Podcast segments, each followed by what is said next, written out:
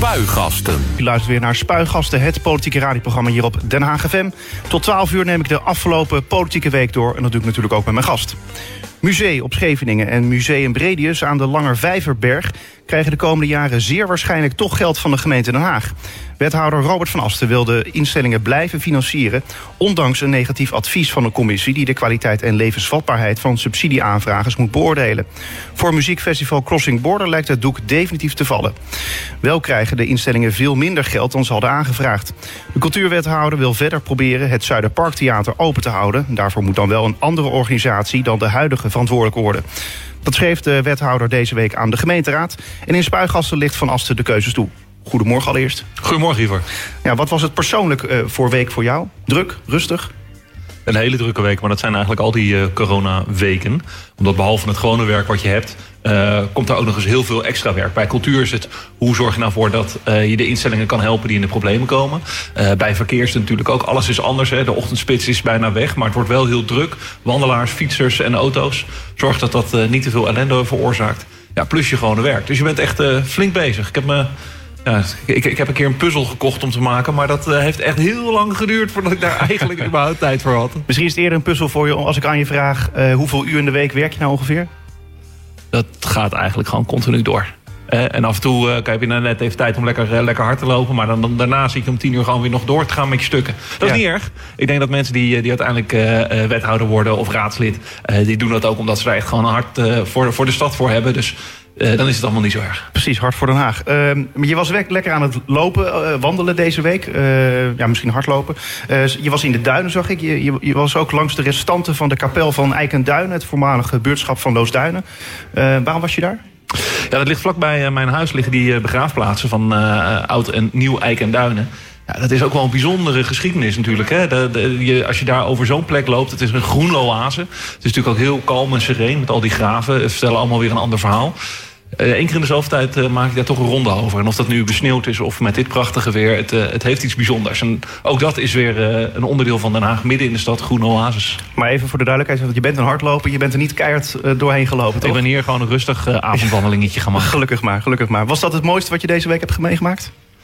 Nou, eigenlijk uh, gisteren mocht ik een gulden klinker uitreiken. De, die geven we als Den Haag aan, uh, aan mensen, groepen van mensen die, die echt iets doen voor de buurt, voor de wijk.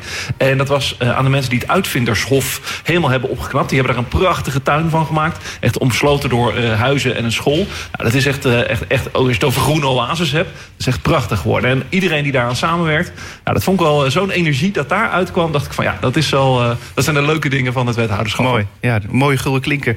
en volgens mij een van de eerste die inmiddels weer is uitgereikt, denk ik. Ja, het begint langzaam weer te gebeuren. Dit was de eerste die weer met wat meer mensen kon. Dus uh, dat, dat maakt het weer dat je bijna denkt van... Ah, we gaan inderdaad op weg naar weer een gewone samenleving. Precies, het nieuwe normaal, zoals het dan heet. Uh, we gaan het straks dus uh, hebben over ja, het kunstenplan. Maar eerst kijken we even terug naar de afgelopen week. Het politieke weekoverzicht. Maandag 15 juni. De perrons van station Holland Spoor moeten in de toekomst ook toegankelijk blijven vanuit de fietstunnel. Daarvoor pleitte de OV-ombudsman Bram Hansma. Het afsluiten van de toegangen is iets wat reizigers niet willen, dus doe het niet, zegt hij. En Roos van Asten, doe het dus niet, zegt hij. Ja, ga je je best doen om dit nog te regelen of is het echt onomkeerbaar? Nou, volgens mij is dat nu, nu door de alle afspraken die zijn gemaakt onomkeerbaar. Maar in die zin dat die opgangen die worden natuurlijk niet, niet dichtgemetseld of iets dergelijks. Die worden gewoon afgesloten. In geval van nood kunnen die altijd open. Ik ben heel benieuwd wat gewoon die nieuwe doorgang gaat betekenen. Want hè, nu kan je niet dwars door uh, Spoor heen lopen. Als dat dadelijk wel zo is en je loopt in één keer vanaf uh, die rode loper vanuit het centrum... loop je eigenlijk dwars door de stations, loop je zo naar de Haagse Hogeschool. Of dat eigenlijk niet al het verkeer uh, weg gaat nemen uit die, uit die fietstunnel. Dus ik denk dat we eerst even moeten gaan kijken hoe dat daar nou precies functioneert. En die opgangen die blijven toch wel, of ze nu zijn afgesloten of niet... kan je in de toekomst dan altijd nog een andere beslissing overnemen. Precies, dus dan zou de gemeente alsnog kunnen zeggen... van nou, we willen ze graag toch nog open houden of misschien ProRail NS... Ja, precies. Als dat uh, voor de veiligheid of voor uh, enorme drukte dadelijk uh, van belang is, kan je dat altijd nog een keer heroverwegen. Ja, ja. nou is het natuurlijk al, het, het, besluit was al lang genomen en dan wordt er toch weer de hele tijd toch weer geprobeerd om die fietstunnel dan toch weer open te houden. Althans die verbinding tussen perron en fietstunnel. Uh, vind je dat dan vervelend, zo, zoiets? Nee, uh, ik, vind dat, ik vind het wel logisch. Dat zie, dat zie ik nu veel vaker. Hè. Dan is er een beslissing genomen in de, in de gemeenteraad... maar de uitvoering laat toch best lang op zich wachten. En heel veel bewoners die hebben natuurlijk geen idee... Wat, welke beslissing nou precies is genomen in de raad. En zeker niet als je dan een paar jaar later... wonen misschien nog eens nieuwe mensen die zien dan in één keer van... hé, hey, wacht even, dit wordt afgesloten. Hey, daar ben ik het niet mee eens. Ja, en die hebben dan niet zo heel veel boodschap aan het feit... dat er twee jaar geleden al uitvoerig over is gedebatteerd. Want zij komen er dan pas uh, mee in aanraking. Nou, voor ons de les om ervoor te zorgen dat je altijd blijft communiceren... op de een of andere manier. Uh, en, en nou ja, dat er dus altijd uh, dit soort stemmen nog eens opkomen. En die, ja, uh, soms dat ook, ook heel goed. En dan kan je er daadwerkelijk ook nog wat mee. Dan, dan heb je echt zoiets van, oh wacht even, misschien toch nog een keer heroverwegen. Maar wel in de meeste gevallen uh, is dan echt het pleit al beslecht. En, en moet je wel doorgaan. Ja, maar dat, dat, je raakt precies wel het punt inderdaad.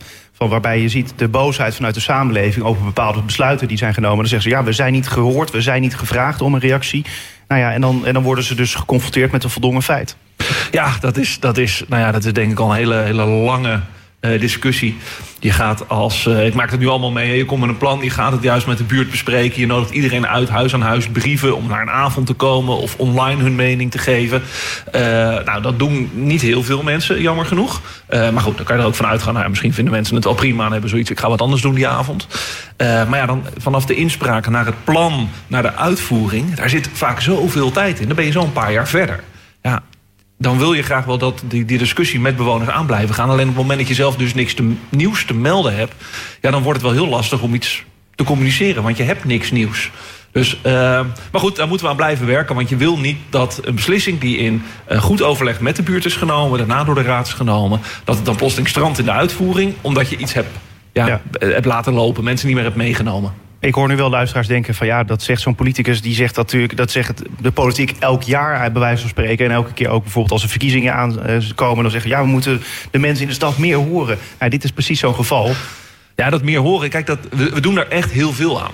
En uh, wat ik net al zei, van je probeert mensen bij, bij een herinrichting probeer je die uh, erbij te betrekken. Hey, ik doe natuurlijk verkeer, dus dan, dan heb je vaak de straat gaat open, want we gaan iets anders doen. Nou, dan gaan overal gaan de brieven in de bus. Uh, dan komt dat met de Facebook-ads en, en dergelijke. Dus je probeert zoveel mogelijk mensen te benaderen. Je kan ze alleen niet dwingen om mee te doen. En op het moment dat je dan niet mee hebt gedaan, ja, dan verdwijnt dat denk ik ook zelf in je eigen geheugen. Dat je ooit wel bent uitgenodigd. Dan is het natuurlijk heel makkelijk om te zeggen, ja, maar ik wist er niks van. Ja. en en dat is natuurlijk wel die, die continue strijd hè, die, je, die je moet aangaan. Mensen die. Uh, we hebben veel, veel wijkverenigingen. Nou, daar zitten besturen in. Die hebben het ook heel lastig om nieuwe mensen te vinden. Maar ja, het is vaak dat wij ook wel een beetje leunen op die wijkverenigingen. om dat contact juist weer uh, te onderhouden. Dus ja, het, het, het, vraagt ook. Wil je goede participatie hebben, vraagt het ook veel van echt iedere inwoner van Den Haag. Ja. Dus we moeten van beide kanten denken dat we er nog wel eens een stapje bij kunnen zetten. Dinsdag 16 juni. De nieuwe beeldenstorm, waarbij dubieuze helden van weleer van hun voetstuk worden gestoten, is inmiddels doorgedrongen tot de kunstwereld. Films en series liggen onder een vergrootglas en ook de biep ontkomt niet aan een herziening van titels die naar de huidige maatstaven als controversieel worden beschouwd.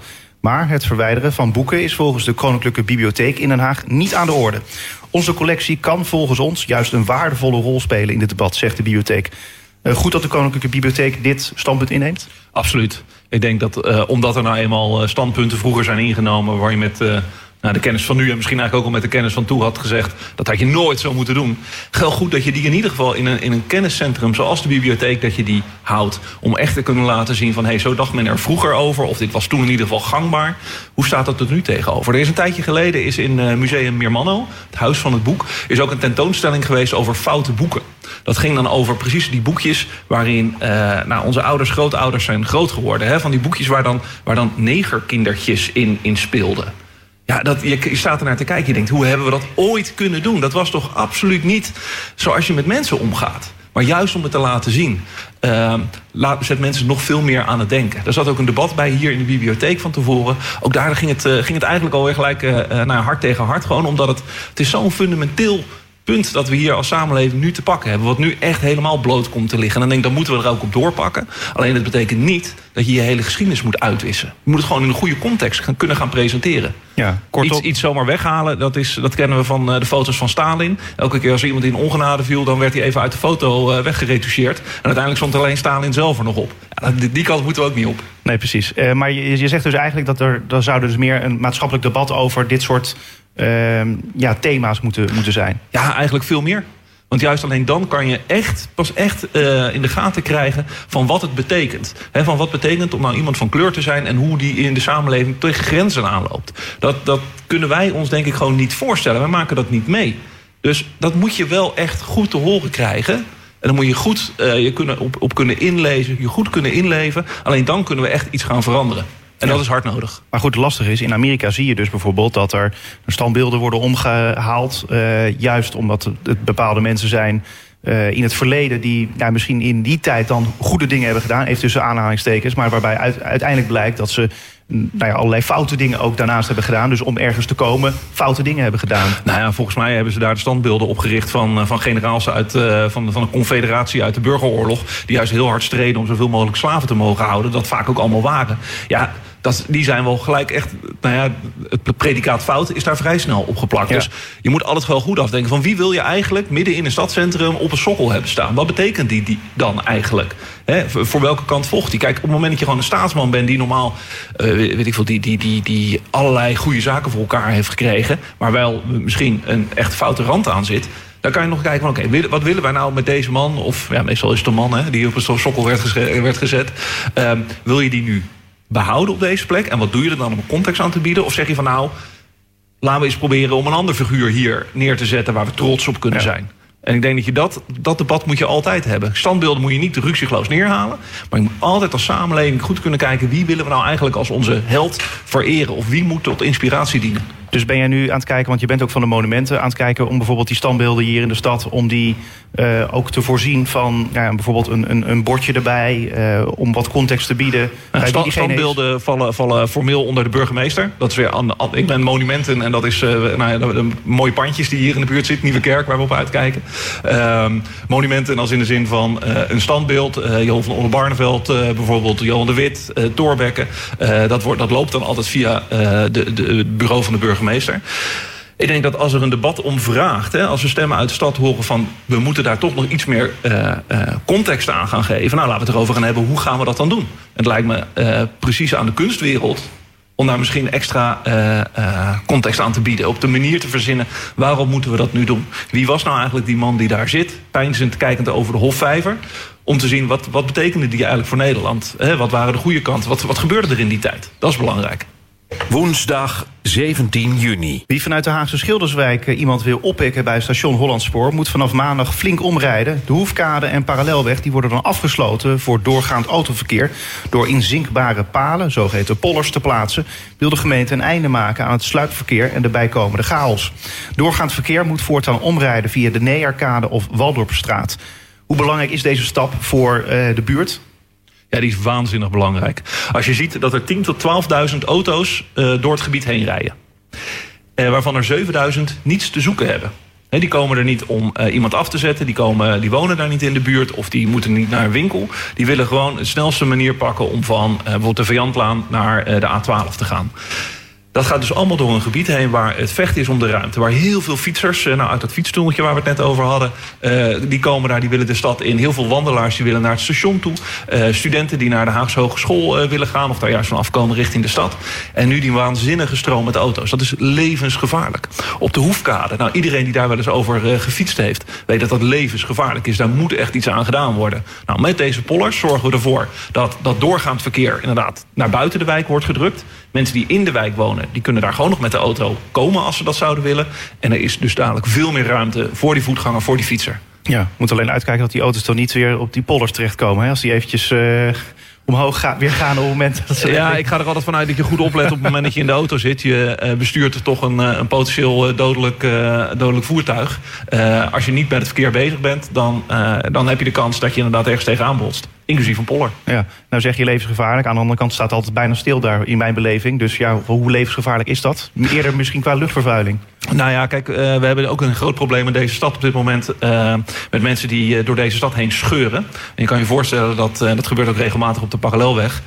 dat s'avonds laat daar echt met hoge snelheid wordt, wordt gejakkerd. Nou, die haal je dus dadelijk er ook mee weg. En ik denk dat dat een van de belangrijkste dingen is waar we de komende tijd echt aan moeten werken. Om te zorgen dat die hardrijders uit de stad worden geweerd. 150 uh, km per uur een motor die, uh, die is gepakt. Ja, ik mag hopen dat hij eigenlijk zijn rijbewijs nooit meer terugkrijgt. Maar ja, dan hoor je eigenlijk van ja, nou ja, kan een rijontzegging krijgen van maximaal twee jaar. En dan ja. is het niet eigenlijk, als je met 150 km per uur dwars door de stad heen gaat, dan neem je volgens mij willens en wetens het risico om iemand dood te rijden. Ja, ik kan daar niet mee leven. Nou ja, misschien die eh, motorrijden uiteindelijk eh, ook niet misschien uh, beter die ze leven uiteindelijk. Maar goed, wat, je, wat, je, wat, je, wat mensen zich wel afvragen is van... Ja, waarom kan de gemeente daar niet wat proactiever in optreden? Ik snap wel dat je niet op alle plekken van de stad dagelijks kunt gaan staan. Maar er zijn natuurlijk wel een paar van die nou ja, bepaalde plekken in de stad. bijvoorbeeld de Vissersafslagweg, inderdaad die parallelweg waar zo hard gereden wordt. Kun je daar niet gewoon vaker controleren dan normaal? Ja, politie voert die controles uit. En we weten allemaal dat de politie redelijk onder druk staat uh, qua personeelsbezetting. Ja, dan en, BOA's misschien? Ja, Boas, dat mag, dat mag nog niet. Nee, precies. Dus uh, dat, dat zou misschien een oplossing kunnen zijn. Verkeerscontroles door Boas laten uitvoeren als dat wettelijk allemaal mag. Uh, wat ook heel vaak een wens is om van zet een flitspaal neer. Nou, ik ga niet over flitspalen. Het enige wat ik kan doen is een samenwerking met de politie een rapport maken over een potentieel gevaarlijke situatie. Waar veel mensen door een uh, rood licht rijden. Of dat, dat wij zeggen veel mensen rijden daar te hard. Nou, dan moet je eerst gaan aantonen dat je de weg eigenlijk anders kan inrichten. Nou, dat kan vaak niet. 50 kilometer weg waar hulpdiensten overheen moeten gaan. en dan moet je gaan kijken Hoeveel slachtoffers vallen er eigenlijk doordat er door rood wordt gereden of dat er eh, te hard wordt gereden? Je moet dus daadwerkelijk van het OM wachten totdat er eh, meerdere dodelijke slachtoffers zijn gevallen. Dat is eigenlijk de compleet verkeerde, verkeerde weg. En dat is ook eh, de reden waarom ik echt bij het OM op de deur aan het kloppen ben. Van dit moet anders. Want dit wil je voorkomen. Ja, die flitspalen wil in Rotterdam begint er nu een proef. Dat is, dat is net een ander deel van het OM die daar wel toe beschikt. Die krijgen tien flitspalen om zelf in de stad in te zetten. Kijk, ik hoef niet eens die inkomsten. Ik denk dat we er als stad aardig aan kunnen verdienen. Maar we willen het gewoon veilig maken. En dat ding moet je dus, je moet steeds die flitspaal een beetje kunnen, kunnen verplaatsen. Want anders weet je op een gegeven moment, hé, hey, daar moet ik even op, het, uh, op de rem drukken. En daarna kan ik er weer met hoge snelheid vandoor. Daar moet je mensen een beetje in blijven verrassen. Om mensen ook te, te, zeggen van, je rijdt een auto, daar komt een hele grote verantwoordelijkheid uh, bij kijken. Neem die verantwoordelijkheid. Rij gewoon de toegestaande snelheid van 30 of 50 in de, in de stad. Maar hoe lang ben je al aan de deur van het OM aan het kloppen? Uh, heel hard aan het kloppen, maar het is een grote eikenhouten deur. Maar hij zal uiteindelijk uh, zal die zwichten. Ja, want uiteindelijk, die deur is al een keer open gegaan. Mag ik kopen? Nee, veel te weinig. Ja, tuurlijk, je bent in overleg. Maar dan heb je, dit zijn de landelijke regels die er zijn. En die landelijke regels, die moeten we gaan veranderen. Dat vraagt altijd een langere adem uh, dan dat ik eigenlijk heb. He, mijn geduld is daarin gewoon op. we moeten gewoon die flitspalen in de stad kunnen krijgen. Dus wat zou je zegt, willen zeggen tegen het OM? Stel dat ze luisteren. Nou, stel dat ze luisteren, van nu snel gewoon ook zo'n proef, net als in uh, Rotterdam. Minimaal 10 flitspalen wil ik in uh, Den Haag kunnen inzetten. Vrijelijk door de hele stad te verplaatsen. En mogen zij de boetes innen. Donderdag 18 juni. Het standbeeld van Johan van Oldenbarneveld bij de Hofvijver is beklad door activisten. Op het standbeeld aan de Lange Vijverberg staat onder andere de tekst Fuck VOC. Je gaat als wethouder dus over de monumenten, niet over de standbeelden. Uh, maar weet je wel inmiddels al van ja, of die kosten uh, voor het weghalen uh, van die bekladdingen dan uiteindelijk worden verhaald op die daders? Weet jij dat? Weet ik eigenlijk niet. Ik weet ook niet of we de groep echt kennen die daar, die daar verantwoordelijk voor is. ik geloof dat het een, een, een, groep is die zich beroept in ieder geval op Indonesische, Indonesische roots. Uh, ja, het lijkt me wel. Kijk, een standbeeld mag je gewoon niet bekladden. Dus op het moment dat er kosten bij zijn, zou ik ze daar willen neerleggen. Maar het gaat natuurlijk veel dieper van hè, waarom hebben die mensen nou de behoefte gehad om het standbeeld van Johan Oldenbarneveld te bekladden. En laten we daar nou eens veel meer het gesprek over aangaan, wat we net al zeiden, om te kijken hoe zou je dan de stad met, ook met standbeelden uh, willen zien? Hoe kan dat nou reflecteren van hoe we samen een stad zouden moeten vormen? Lijkt me een veel interessanter debat dan fuck VOC op een standbeeld schrijven. Laat je, eh, kom hier, hè, in de bibliotheek hebben we vaak debat. Kom daar eens praten. Ja, maar uh, hoe erg vind je dat dit gebeurt? Maak je jezelf daar boos over als je dan zoiets leest of hoort? Nou, kijk, uh, dat, dat standbeeld krijg, krijg je wel schoon. Dus uh, daar maak ik me aan zich niet zo heel boos over. waar ik me meer boos over maak is van, hè, wat zit er nou achter? En dat is volgens mij wel iets waar de hele samenleving zich boos over zou moeten maken. Van dat, op het moment dat mensen zich zo achtergesteld voelen, zo vaak te maken krijgen met het feit van joh, mijn afkomst, mijn, mijn huidskleur bepaalt gewoon wat voor kansen ik krijg. Daar moet je je boos over maken. Dus ik snap heel goed dat dat nu ook in Nederland uh, vol bovenaan de politieke agenda staat. En ik zeg van joh, laten we dan dit momentum pakken om er ook echt iets aan te doen. Ja, uh, en als je kijkt naar bijvoorbeeld die actiegroep die achter de daad uh, zegt te zitten, uh, die zeiden dus van ja, we, gaan meer standbeelden, maar ook, nou, dan kom jij wel om de hoek kijken, ook musea willen ze gaan bekladden of in elk geval aanpakken. en dat gaat het vooral om musea die roofkunst in het bezit hebben. nou weet ik niet in hoeverre dat dus in Den Haag het geval is, maar goed, maak je dan daar wel zorgen over dat, dat zo'n groep dat dan ook gaat doen bij musea? Ja, dan zou ik bijna willen zeggen van... we gaan nou eerst eens even in gesprek bijvoorbeeld met musea. We hebben uh, hier in Den Haag hebben we het Mauritshuis. Nou, we weten, de grondlegger van uh, het Mauritshuis... Uh, die zat gewoon in de slavernij. Die zat daar in de suikerrieplantages in Brazilië. En het Mauritshuis, het museum zelf... die is zich daar terdege van bewust. En die probeert het ook echt een plek te geven... juist hoe zij hun tentoonstelling presenteren... van het gebouw daarin een rol laten spelen in dat debat. Om echt te laten zien van kijk, dit deden we, dit is hier gebouwd op de fundamenten daarvan. Maar laten we daar dus het debat dus over aangaan. He, wat betekent dat dan? Nou, dat lijkt me volgens mij een prachtige, prachtige manier om uh, zo, uh, zo met elkaar te kijken... hoe kunnen we de samenleving verbeteren. Dus voor mij zou ik het niet gaan bekladden, maar ga, bel gewoon aan, ga in gesprek. Vrijdag 19 juni. Het steunplan voor de Nederlandse filmsector wegens de grote problemen als gevolg van de coronacrisis krijgt vorm. Concrete maatregelen voor de doorstart van opnames, het dekken van extra verzekeringskosten en het redden van kwetsbare filmtheaters zijn rond.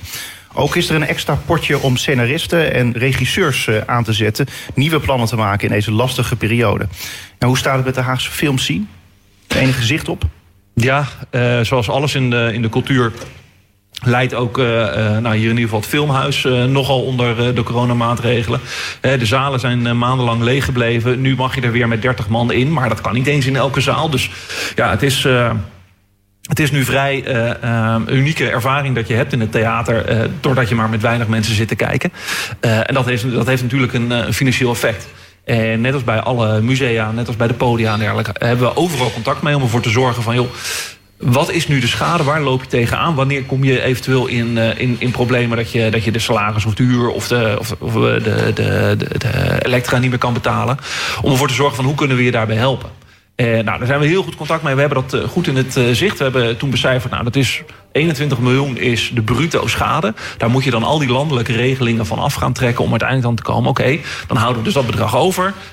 Dan hebben we een, een, een, pot die we zelf hebben vanuit de cultuurbegroting. Dan gaan we kijken naar, dat doen we stadsbreed... naar wat, wat, zijn, wat is alle schade, hoe gaan we dat dan ook als stad betalen daarvoor... om ervoor te zorgen dat we die, zowel de cultuur, maar ook de sport... allemaal overeind houden. Ja, maar bijvoorbeeld het filmhuis. Moet, moeten mensen zich daar zorgen over maken dat het filmhuis straks niet meer bestaat in Den Haag? Nee, want daar doen we dus juist alles aan om dat overeind te houden. Absoluut. Maar dat, dat, dat, zich... dat, heeft uiteindelijk ook wel een, uh, ja, een soort bodem. Dat, dat reikt uiteindelijk een bodem, toch? Ja, maar dat is, ik denk dat bijna alles wat we nu in Nederland aan het doen zijn... Hè, met, met, met wat het Rijk allemaal wel niet voor miljarden uitkeert... alles heeft uiteindelijk een bodem. Dus maar ja, daarom, daarom is het nou zo belangrijk dat we ons goed houden aan die coronamaatregelen. Dus dat dat niet nog een keer kan toeslaan. Want als dat nog een keer komt, ja, dan zie ik het wel heel zwart in. Want dan zijn plotseling toch eigenlijk die diepe zakken van, eh, van Hoekstra... die zijn toch wel een heel eind leeg. Ja. Uh, en hoe, dan kunnen we het niet zo makkelijk meer overeind houden. Dus daarom is het belangrijk, hou je nu aan die regels... maar maak je ook niet onnodig bang. We hebben maatregelen genomen dat je in Den Haag naar het museum kan. Ook dat je naar het filmhuis kan en dergelijke. Uh, doe dat dan ook. Reserveer gewoon een plekje. Je weet dat je daar dan gewoon binnen kan je veilig naar een film uh, kijken. Je kan naar het museum gaan. En doordat je komt, zorg je er ook voor dat de overlevingskansen van al die instellingen groter worden. Ja, uh, alleen het lastige is met, met bijvoorbeeld zo'n uh, ja, zo'n filmhuis de, de, en, en, ook andere theaterstuk in de stad. Bij de een uh, zal de bodem natuurlijk eerder worden bereikt dan bij een ander. Ik, ik, ik, ik, weet niet precies hoe, hoeveel bezoekersaantallen het filmhuis precies heeft. Maar het zou zomaar kunnen zijn dat het, dat het bijvoorbeeld het Mauritshuis natuurlijk langer kan overleven... omdat er meer bezoekers komen dan het filmhuis. Dat zou kunnen, maar dat nemen we dus allemaal mee. We zien gewoon van, we, hebben de huur uitgesteld. We, alle voorschotten van de subsidies die betalen we gewoon uit. Uh, we kijken niet naar de prestatie die er tegenover staat. Dus dan ben je al een heel groot deel aan het dekken. Dan zijn er instellingen die hebben ook reserves. We vragen die ook uh, tot een bepaald niveau echt aan te spreken. Dit is nou helemaal een crisis waar we doorheen moeten. Dus ja, de clubs die wel een reserve hebben kunnen bouwen... Ja, daar vragen we ook van, zet die dan nu in. Uh, instellingen die nu geen reserve hebben... Ja, die zou je eerder moeten gaan helpen. Uh, is dat dan eerlijk tegen de, tegen de instellingen die wel een reserve hebben opgebouwd? Nou ja, volgens mij moeten we er gewoon voor zorgen dat we als cultureel veld in Den Haag gewoon overeind kunnen blijven. Nou, de gemeente werkt daar hard aan mee. We hebben de Rijksoverheid, de budgetten die wij moeten matchen als gemeente. Dat doen we ook uh, gelijk om ze, om ze uh, te redden. Onze grote instellingen die zitten dan in de landelijke BIS. Uh, die worden al door de Rijksoverheid gered. Dus er komt een heleboel geld uit verschillende potten naar de cultuur. ik zou liever willen dat het inderdaad veel meer is. maar ja, dan heb je het gewoon over het feit. Zou je niet willen dat er meer geld überhaupt naar cultuur gaat. Zaterdag 20 juni. Vandaag dus, eh, nu de greep van het coronavirus op de politieke agenda enigszins verslapt, komt er meer ruimte voor geharrewar, ook binnen de coalitie, meldt de NOS. gaat dan om de, de landelijke coalitie, eh, wel te verstaan. Ik zeg het maar even erbij. Eh, de vier fractievoorzitters die hebben vorige week namelijk een stevig gesprek gehad over de oplopende onderlinge irritatie. Als dit zo doorgaat, houden we het geen negen maanden meer vol, was te horen. Haalt het kabinet de eindstreep, denk jij? Ja, ik denk, denk absoluut wel. Ik denk dat dit ook elke keer uh, uh, bij elke coalitie dat eindigt dan in van ja, iedereen wil weer wat profiel gaan krijgen op zijn eigen punten. Dus we even afwijken van een coalitieakkoord. Ja, en dan de ene keer zegt de ander wat en dan is de ander daar dan weer boos over. Nou, dat geeft de ander dan ook gelijk weer de gelegenheid om zijn standpunt uh, kenbaar te maken. Uh, je moet er wel voor oppassen. Kijk, negen maanden, het land moet nog wel door. We zitten ook nog midden in de crisis, dus je moet ook gewoon wel echt door kunnen pakken. Dus zorg er nou voor dat in een uh, ja, strijd om je te profileren het algemeen belang wel boven, bovenaan blijft staan. En zeg je dat dan ook dan, dan tegen D66 eigenlijk, je eigen partij? Ja, absoluut. Tuurlijk. Ja? Uh, iedereen die in een coalitie zit, die, uh, die moet zich dat uh, goed beseffen. Je moet het zien als een soort, soort wielerpeloton. Hè. Er zit een groepje vluchters vooruit. Op het moment dat daar te veel demarages gaan plaatsvinden... word je opgeslokt door het peloton, ben je nergens meer. Dus goed blijven samenwerken, dat is het devies. Ja, want je, je las vooral in het artikel van NOS... dat D60 nogal een profileringsdrang heeft. Nou is het natuurlijk ook nog steeds niet duidelijk... wie precies de kar gaat trekken bij de verkiezingen over negen maanden.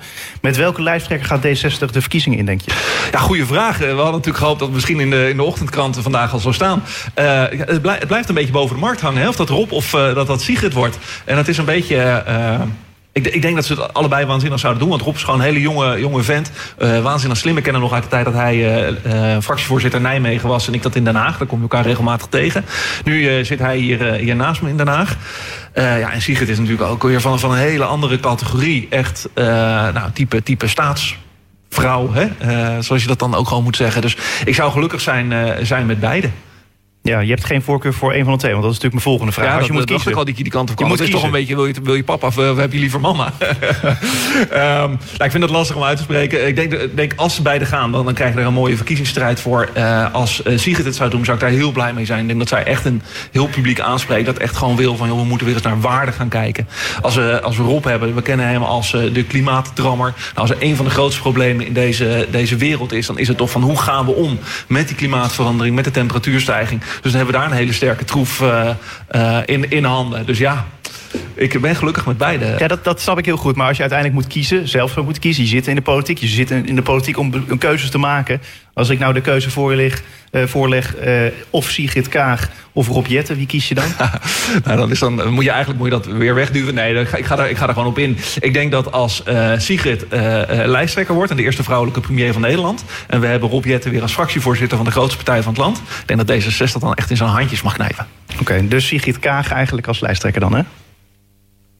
Ja, je zegt er niks, maar je lacht wel, dus dan uh, weet ik wat het is. Uh, nou, mijn laatste vraag nog uh, over...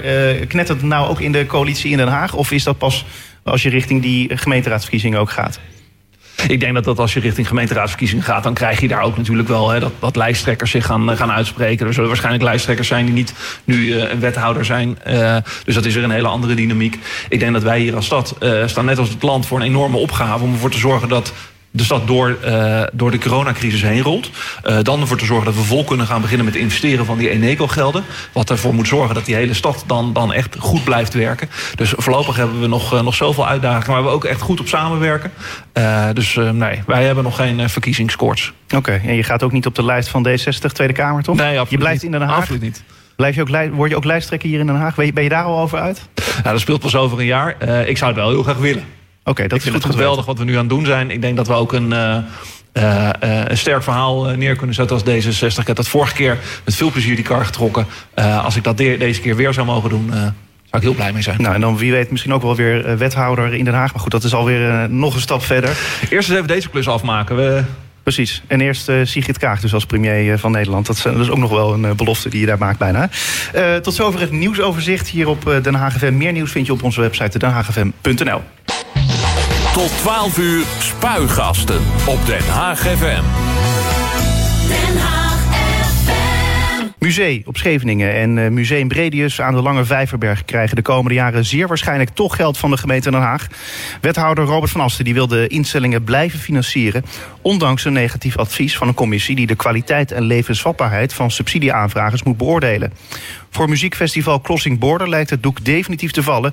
In Spuigasten ligt Van Asten de keuzes toe. Ja, die keuzes die deden pijn. Uh, die allereerste keuzes die werden gemaakt door de commissie Leertouwer. Laten we even luisteren. Maar we hebben dat gedaan aan de hand van een heel duidelijke opdracht van de wethouder. We moesten kijken naar artistiek inhoudelijke kwaliteit, naar kwaliteit van bedrijfsvoering en naar kwaliteit van diversiteit en inclusie. Dat betekent hoe toegankelijk ben je voor zoveel mogelijk mensen, hoe betrek je zoveel mogelijk mensen bij wat je doet. Als commissie heb je ook de opdracht om een stapje achteruit te doen en te zeggen: kijk, dit is heel Den Haag. Uh, hoeveel vergelijkbare activiteiten zijn er eigenlijk op dit gebied? Wat heeft daarin de meeste kwaliteit? Uh, wat heeft de meeste potentie? Uh, en die dingen moet je dan in je advies meewegen. Ja, Robert van Asten, waar wijkt het college nou af van het advies van Leertouwen? Ik begreep dus in elk geval Museum op Scheveningen en Museum Bredius, die zijn gered. Ja, daar hebben we uh, om verschillende redenen overigens uh, gemeente daarvan af te moeten wijken. We hebben bij een museum, uh, daar hebben we toch gekeken, maar ja, we, hebben een, we willen toch een spreiding door de stad hebben. En het erfgoedfunctie van, van een museum speelt eigenlijk ook dusdanig mee dat je uh, museum eigenlijk in de lucht zou moeten houden... betekent niet dat de kritiekpunten die zijn gegeven door de commissie... dat we die dan maar terzijde kunnen schuiven. Hè. Dus we hebben daadwerkelijk echt wel stevige inhoudelijke kritiek gehad... over wat wordt er nou eigenlijk in het museum tentoon gespreid. Hoe werkt nu eigenlijk ja, een beetje het oud-Scheveningse verhaal... met een Schelpenmuseum samen? Hè, hoe kan je dat nou eigenlijk gaan verbeteren? Dus die opdracht ligt er echt, uh, uh, komt erbij bij deze uh, afwijking. bij Bredius, ja, de gemeente Den Haag heeft ooit het legaat gekregen... van nou, de oude Bredius, om het zo maar te zeggen... met een prachtige schilderijenverzameling die moet je tentoon uh, spreiden, uh, stellen. En dat hebben we gedaan in dat museum Bredius op het Kloonverhout. Mooi onderdeel van het, van het museumkwartier. Op het moment dat je dat museum dus weghaalt... en de, de, dus de, financiering daarvan... Ja, dan kan je die schilderijen eigenlijk ook niet meer allemaal tentoonstellen. En er zitten nogal wat eisen eraan. Dus op het moment dat je dat niet op de goede manier doet... dan uh, vervalt het legaat en dan zijn er andere erfgenamen voor. Nou, wij vinden het heel belangrijk om het legaat te houden. En dan hebben we gezegd, ja, dan moeten we dit museum daar ook bij houden. Is ook nog een mooie versterking voor het museumkwartier. Kortom, je bent als gemeente eigenlijk verplicht om daar geld aan te blijven geven. Ja, wil je, wil je, het legaat eigenlijk behouden, dan wel. Dus, uh, dat Want wat gebeurt er anders? Anders raak je het kwijt. Dan, dan, ja, dan, dan mag een andere, andere erfgenamen en die zouden dan kunnen zeggen van... je voldoet niet meer aan het legaat, daarmee vervalt dat. En dan kijken we weer van, joh, wie is dan de eerstvolgende... die eigenlijk uh, die erfenis zou krijgen. Uh, en dan ben je de schilderijen kwijt. En dat zou heel zonde zijn. Er zitten mooie werken zitten daar zeker tussen. dus vandaar dat wij het wel echt waardevol vonden om het daar ook te houden. Nou, je moet wel. Zo, zo ja, het een of, beetje. Of, of het legaat teruggeven. Maar ja, die, die keuze willen wij absoluut niet maken. Nee, het lijkt er wel een beetje op alsof dit ja, nog een soort, soort, soort, soort geheim document was... wat ineens uit de achterzak wordt getoverd van... nou, gemeente, weet wel dat, dat dit dus de achterliggende gedachte is. Dat je dit dus niet zomaar kunt ja. maken. Dat het dus gevolgen heeft. heeft de commissie of heeft de gemeente daar misschien dan toch te makkelijk over gedacht?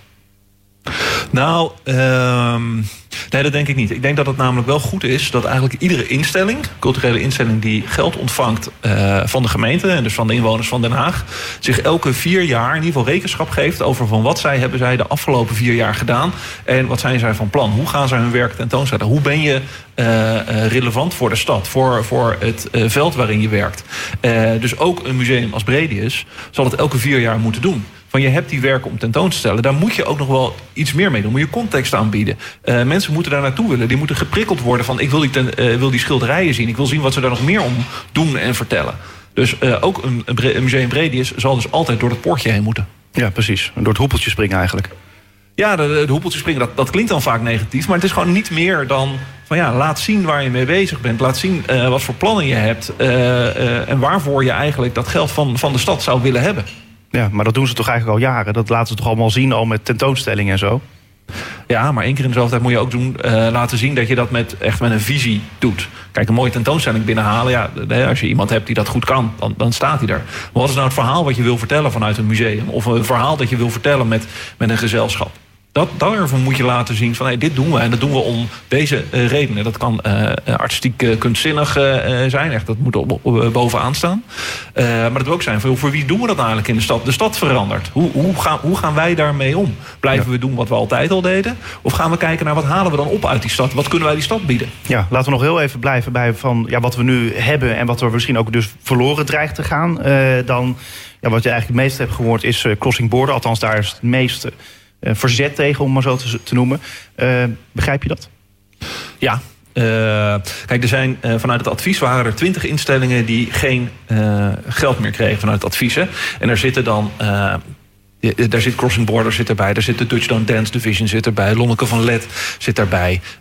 Vele orkesten zitten daarbij. En dat doet denk ik allemaal gewoon pijn. Want ze hebben allemaal hun scharen aan fans. Uh, en bij Crossing Border is dat ook nog eens een internationaal festival. Hè, waar uh, van over de hele wereld. Uh, ik heb een heel dik boekwerk gekregen van allemaal brieven van schrijvers. van over de hele wereld. Ja, Arjen dus Lubach zat erbij onder andere. Heb je hem nog gezien? Ja, die, die was dan niet zo heel ver. Maar, oh, oh, ja, echt de, de, de grote. Ja, Salman Rush die zag ja, bijvoorbeeld ook de, de, die, die mensen zaten daar ook bij. En dat laat al zien van joh, voor de internationale schrijvers en uitgeverswereld was dit een belangrijk, of is dit een belangrijk festival. Het is ook niet zo dat dat niet erkend wordt. Daar werd alleen gezegd van ja, maar we vragen ook nog meer van jullie. Van hoe gaan jullie nou om om dit wel te behouden? Hoe gaan jullie daar een profiel aan geven? Hoe zijn jullie daar dan voor de stad? En dat is toen uh, bij het vorige kunstenplan is daar stevig kritiek op geweest en gezegd van dit moet wel verbeteren. Toen zeg maar ook zijn ze eigenlijk in het ja, nou, ik wil niet zeggen op het strafbankje gezet, maar wel van nou ja, over, we geven in principe de subsidie maar voor twee jaar.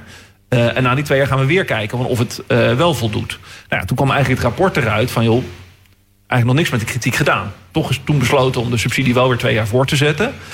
En nu is de kritiek weer hetzelfde. Dus voor de derde keer krijgen ze dezelfde kritiek waar niets mee gedaan wordt. Uh, dan ben je er niet door alleen te zeggen... ja, maar uh, internationale schrijvers vinden ons belangrijk. Er gaat een heleboel geld gaat er naartoe vanuit, uh, vanuit Den Haag. Vanuit de inwoners van Den Haag. Daar moet je dan wel zeggen... Van op het moment dat je dit, je, dit, dit iets is wat je meekrijgt... waar je aan moet gaan voldoen... moet je daar in ieder geval rekenschap van geven. Hoe ga je dat dan doen? Dat doen ze nu niet. En ja... Nou ja, dan is misschien het kunstbudget dus ook net iets te, te beperkt. Met 56 miljoen euro dat we jaarlijks gaan uitgeven hieraan. Uh, om dan deze mee te nemen. En dat is jammer, want ik denk dat het internationaal blijft het natuurlijk nog steeds een prachtig festival. Wat je graag binnen de poorten van de stad wil hebben. Maar ja, voor die 56 miljoen hebben we natuurlijk ook heel veel andere subsidies die we kunnen geven aan prachtige instellingen. Ja, dat snap ik helemaal. Maar goed, je, uiteindelijk zijn we de internationale stad. En juist dat, uh, daar, daarmee lopen we altijd uh, hier uh, vaak te koop. Vooral het college van Den Haag. En dan heb je juist een internationaal event. dat daar dus heel goed bij past. En dan, ja, dan, dan draai je dat de nek om. Ja, dat, maar dat, dat komt dus echt uit het feit van hoe, ga je, hoe is men omgegaan met kritiekpunten. Je kan niet zeggen van, joh, we vragen je steeds om met een plan te komen en rekenschap te geven van wat je doet. En op het moment dat je daar dus niet aan uh, uh, geen rekenschap van geeft, hè, er niets met die kritiekpunten doet, ja, wat moet je dan doen als gemeente? Gewoon maar geld blijven geven. Dat is bijna dan hetzelfde als uh, ouders die een kind keer op keer waarschuwen, maar nooit is zeggen van oké, dan is dit het gevolg. De maat is vol. Ja, er is, uh, als er iets aan je wordt gevraagd, dan is er uiteindelijk een gevolg op het moment dat je het helemaal niet doet. En dat is dit keer, ja, het is gelijk heel drastisch. Hè? En dat is, het, dat, is het, dat is het tragische van die vierjarige uh, procedure. Je valt in één keer weg.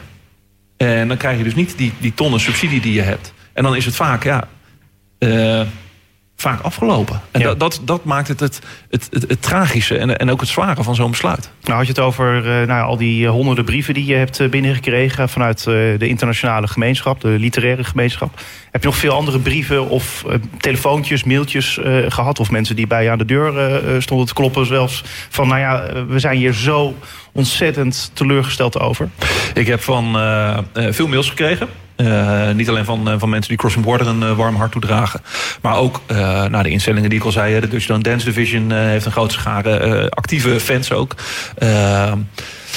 Ik heb, ik heb petities in ontvangst genomen uh, van, van Musee, uh, bijna 10.000 handtekeningen, van de Dutch Don't Dance, van uh, Diamant Theater. ja, ik heb Stet was ook heel, heel erg actief. Nou, die hebben we ook gemeend. Een andere, die kregen een negatieve beoordeling vanuit de commissie. Daarvan hebben we toch gezegd, we zijn inderdaad die internationale stad. We gaan niet mee met het uh, de kritiek of met het punt van de, van de commissie waarin ze zeggen van joh, daar is eigenlijk al genoeg uh, dans, muziek en dergelijke, waardoor iemand die niet Nederlands spreekt uh, zich prima kan vermaken in cultuur.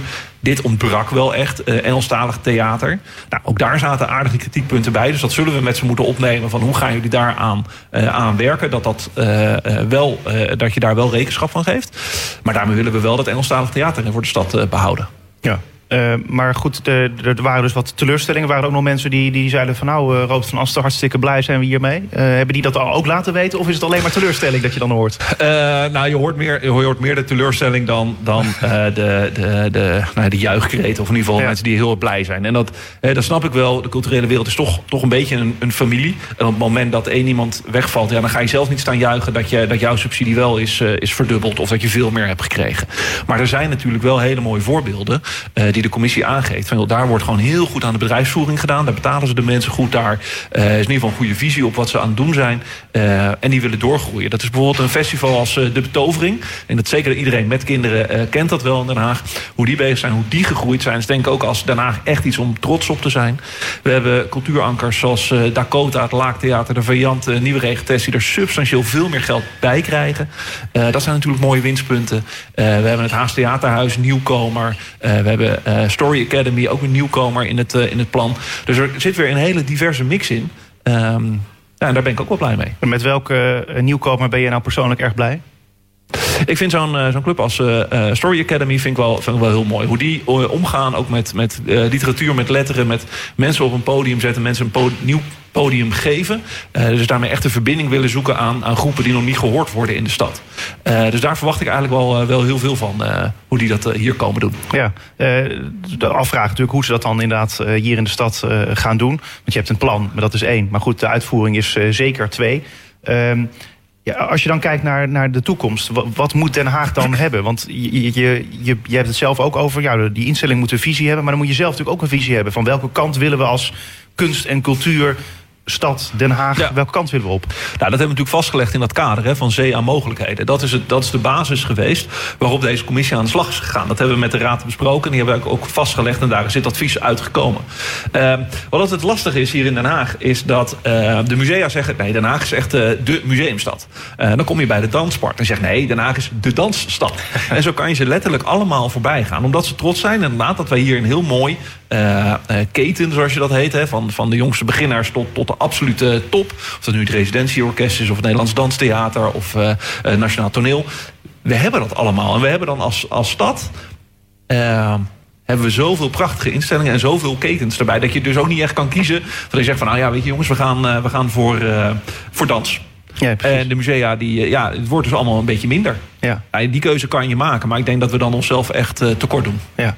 Het, is, lijkt me wel een pijnlijke keuze uh, als je uiteindelijk moet zeggen van, ja, dat je dus uiteindelijk de subsidiekraan voor zo'n instelling uh, dichtdraait. Nou denk ik dat er nog een ander pijnlijk punt was in deze discussie, althans in, dit, in deze procedure. het vertrek van Ellen Walraaf uit die adviescommissie. Want zij kwam toen in opspraak omdat ze directeur werd van het literatuurfestival Writers Unlimited. Waar de commissie eerder een subsidie van een kwart miljoen euro aan wilde geven. En het ontslag was natuurlijk ook pijnlijk zelf voor Walraven, lijkt mij. Uh, want zij heeft haar eigen festival, zegt ze althans, en dat zegt de gemeente ook niet, bevoordeeld. Uh, maar ze had wel de schijn tegen. Hoe vervelend vind je dan zo'n kwestie? Nou, de kwestie is natuurlijk vervelend, omdat het een heleboel uh, mist uh, laat ontstaan over waarom is nou een bepaalde keuze gemaakt. Overigens is het ontslag van Ellen uh, is helemaal niet zo gek. Want op het moment dat je in dienst treedt bij een Haagse instelling... en dat gebeurde vanaf, even uit mijn hoofd, 13 mei... Uh, dan, dan ga je automatisch uit de commissie. Dus vandaar dat je dan ontslag verleent. Dus daar is, daar is niet zoveel geks aan. Dus zal ze het ook niet vervelend vinden. Ja. Uh, we hebben... Aan de andere kant, hoe dat is gegaan, we hebben dat natuurlijk helemaal uit laten zoeken. Hè, want het is een onafhankelijke commissie, die staat op afstand. Nou, dan hoor je het pas uh, na. Nou, we hebben het allemaal in de brief naar de commissie geschreven. Uh, dan hoor je dan nadat het advies bekend is gemaakt... hey, daar is iets dus gebeurd. En dat gaat potentieel gaat dat, gaat dat, gaat dat iets uh, van mist op, uh, opleveren. Nou, hoe is dat nou gegaan? Oké, toen zij wilde gaan solliciteren, heeft ze het gemeld. Uh, toen is zij, heeft ze zich niet meer bemoeid met alles rondom de letterenadvisering tot aan het einde toe. En daarmee heeft de hele commissie uh, want er zitten natuurlijk heel veel mensen in. Die hebben gezegd, oké, okay, wij, uh, dit is een procedure, daar kunnen we goed mee leven. En dit, zo vinden wij het ook eerlijk dat wij onze naam eronder zetten. Ja. Er zijn natuurlijk allemaal mensen die hun sporen hebben verdiend in het culturele veld. Die daar natuurlijk ook hun naam niet mee te grabbel gaan gooien. Dus die hebben daarin uh, naar eer en geweten gehandeld. Maar dat lijkt me dan dus vervelend voor jou, omdat er heel wat uh, inderdaad die mist ontstond.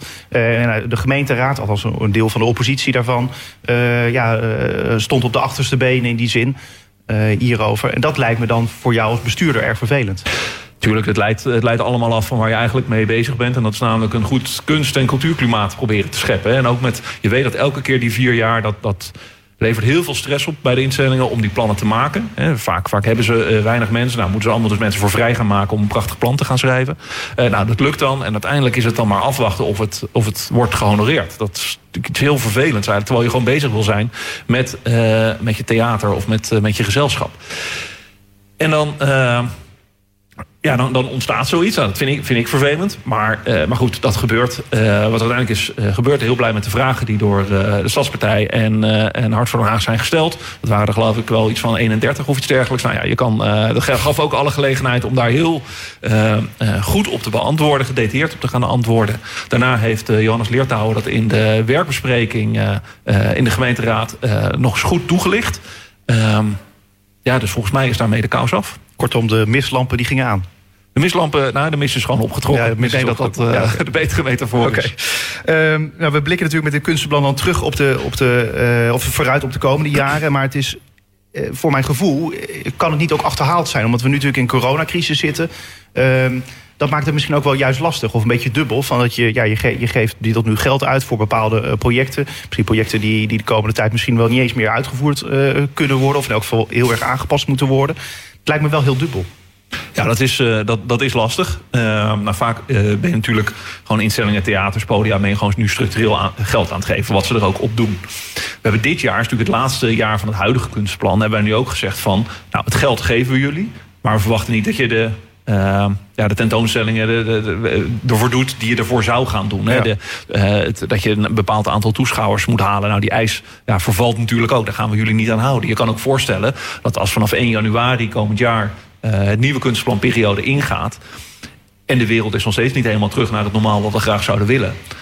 Uh, dat je dan nog steeds koelant omgaat met... oké, wat is je plan dan wel? Wat ga je doen? Wat zijn je mogelijkheden? Maar je wil die instelling wil je namelijk wel steunen... en belonen voor de plannen die zij hebben ingediend. En om daarmee weer te gaan groeien. Dat over een aantal jaar dat, dat we terugdenken op deze coronatijd. En we denken, nou dat was heel vervelend, maar gelukkig is het echt voorbij dat die instellingen er dan ook goed voor staan. Want dat is een van de belangrijkste pijlers onder dit plan. De instellingen die nu geld gaan krijgen, die, worden, die hebben ook echt gevraagd van... laat zien waar je het geld voor nodig hebt. Een stevige bedrijfsvoering, een goede bedrijfsvoering. Dat vind ik heel belangrijk. Ik heb gezien toen ik hier nu uh, cultuurwethouder werd... dat heel veel instellingen die lagen de afgelopen vier jaar... nou een beetje, een beetje aan, het, aan het zuurstof. Want ze kregen eigenlijk te weinig geld. Uh, ze waren zichzelf en de organisatie waren ze helemaal uh, aan het doorbranden eigenlijk. En zeiden toen ook, hebben meerdere gezegd... joh, uh, als met dit bedrag kunnen wij niet weer vier jaar doorgaan. Dan, dan, dan, dan moet het maar stoppen. Ja. en dat heb ik mezelf wel heel erg aangetrokken. En dan, dat heb ik ook voorgesteld in het, voor het kader naar de Raad. We moeten, als we instellingen overeind houden... daar moet dan voldoende geld voor komen. Tot slot, uh, over uh, genoeg geld gesproken. Uh, Den Haag kiest niet voor een noodfonds, maar kiest voor, kiest voor matching. Je vertelde er net al even iets over. Waarom toch geen noodfonds? Want dat geeft toch meer een soort helderheid. Dan kunnen uh, die instellingen in de stad toch gewoon inschrijven... van nou, we hebben zoveel geld nodig, dus kom maar op met, met die zak geld. ja, kijk, uh, dat heeft meerdere redenen. Ten eerste uh, zitten we er bovenop om te zien van... oké, waar zit nou precies die schade? Nou, dan krijgen we de berekening van bruto 21 miljoen. Dan gaan dus al die regelingen van de loonkosten van het Rijk gaat er allemaal af. Dan kom je tot een paar miljoen dat je, dat je nog moet uh, regelen. Ook daar gaan we kijken. Oké, dan hebben we deels hebben we beschikbaar om uh, wat er vanuit het Rijk komt te kunnen matchen. Zodat dat kan worden aangevraagd. Deels wordt überhaupt al door het Rijk opgelost. Als we het over de grotere instellingen hebben die in de landelijke BIS-regeling zitten. En dan zijn er nog heel veel instellingen die vervolgens ook nog geld nodig hebben. Nou, daar zijn we nu gewoon het geld voor aan het verzamelen. Aan het kijken van oké, waar is het nodig? Wanneer is het nodig? En hoe kunnen we dat het beste doen? Je kan ook zeggen van nou ja, hier is, uh, we hebben een pot van, van 10 miljoen. En that's it. En dat is de match. Ja, dat is, dat is de facto hetzelfde. Het gaat erom dat je niet wil dat instellingen omvallen... en dat je daar je uiterste best voor gaat doen. Kortom, je krijgt het de komende weken nog, waarschijnlijk nog drukker dan dat je het nu had. Het uh, zal uh, zeker druk worden en dat doe ik graag. Want het contact is heel goed met die instellingen. Uh, en we vechten schouder aan schouder daarvoor. Robert van Asten, dankjewel. En dit was Spuigasten voor deze week. Ik zou zeggen bedankt voor het luisteren en tot volgende week.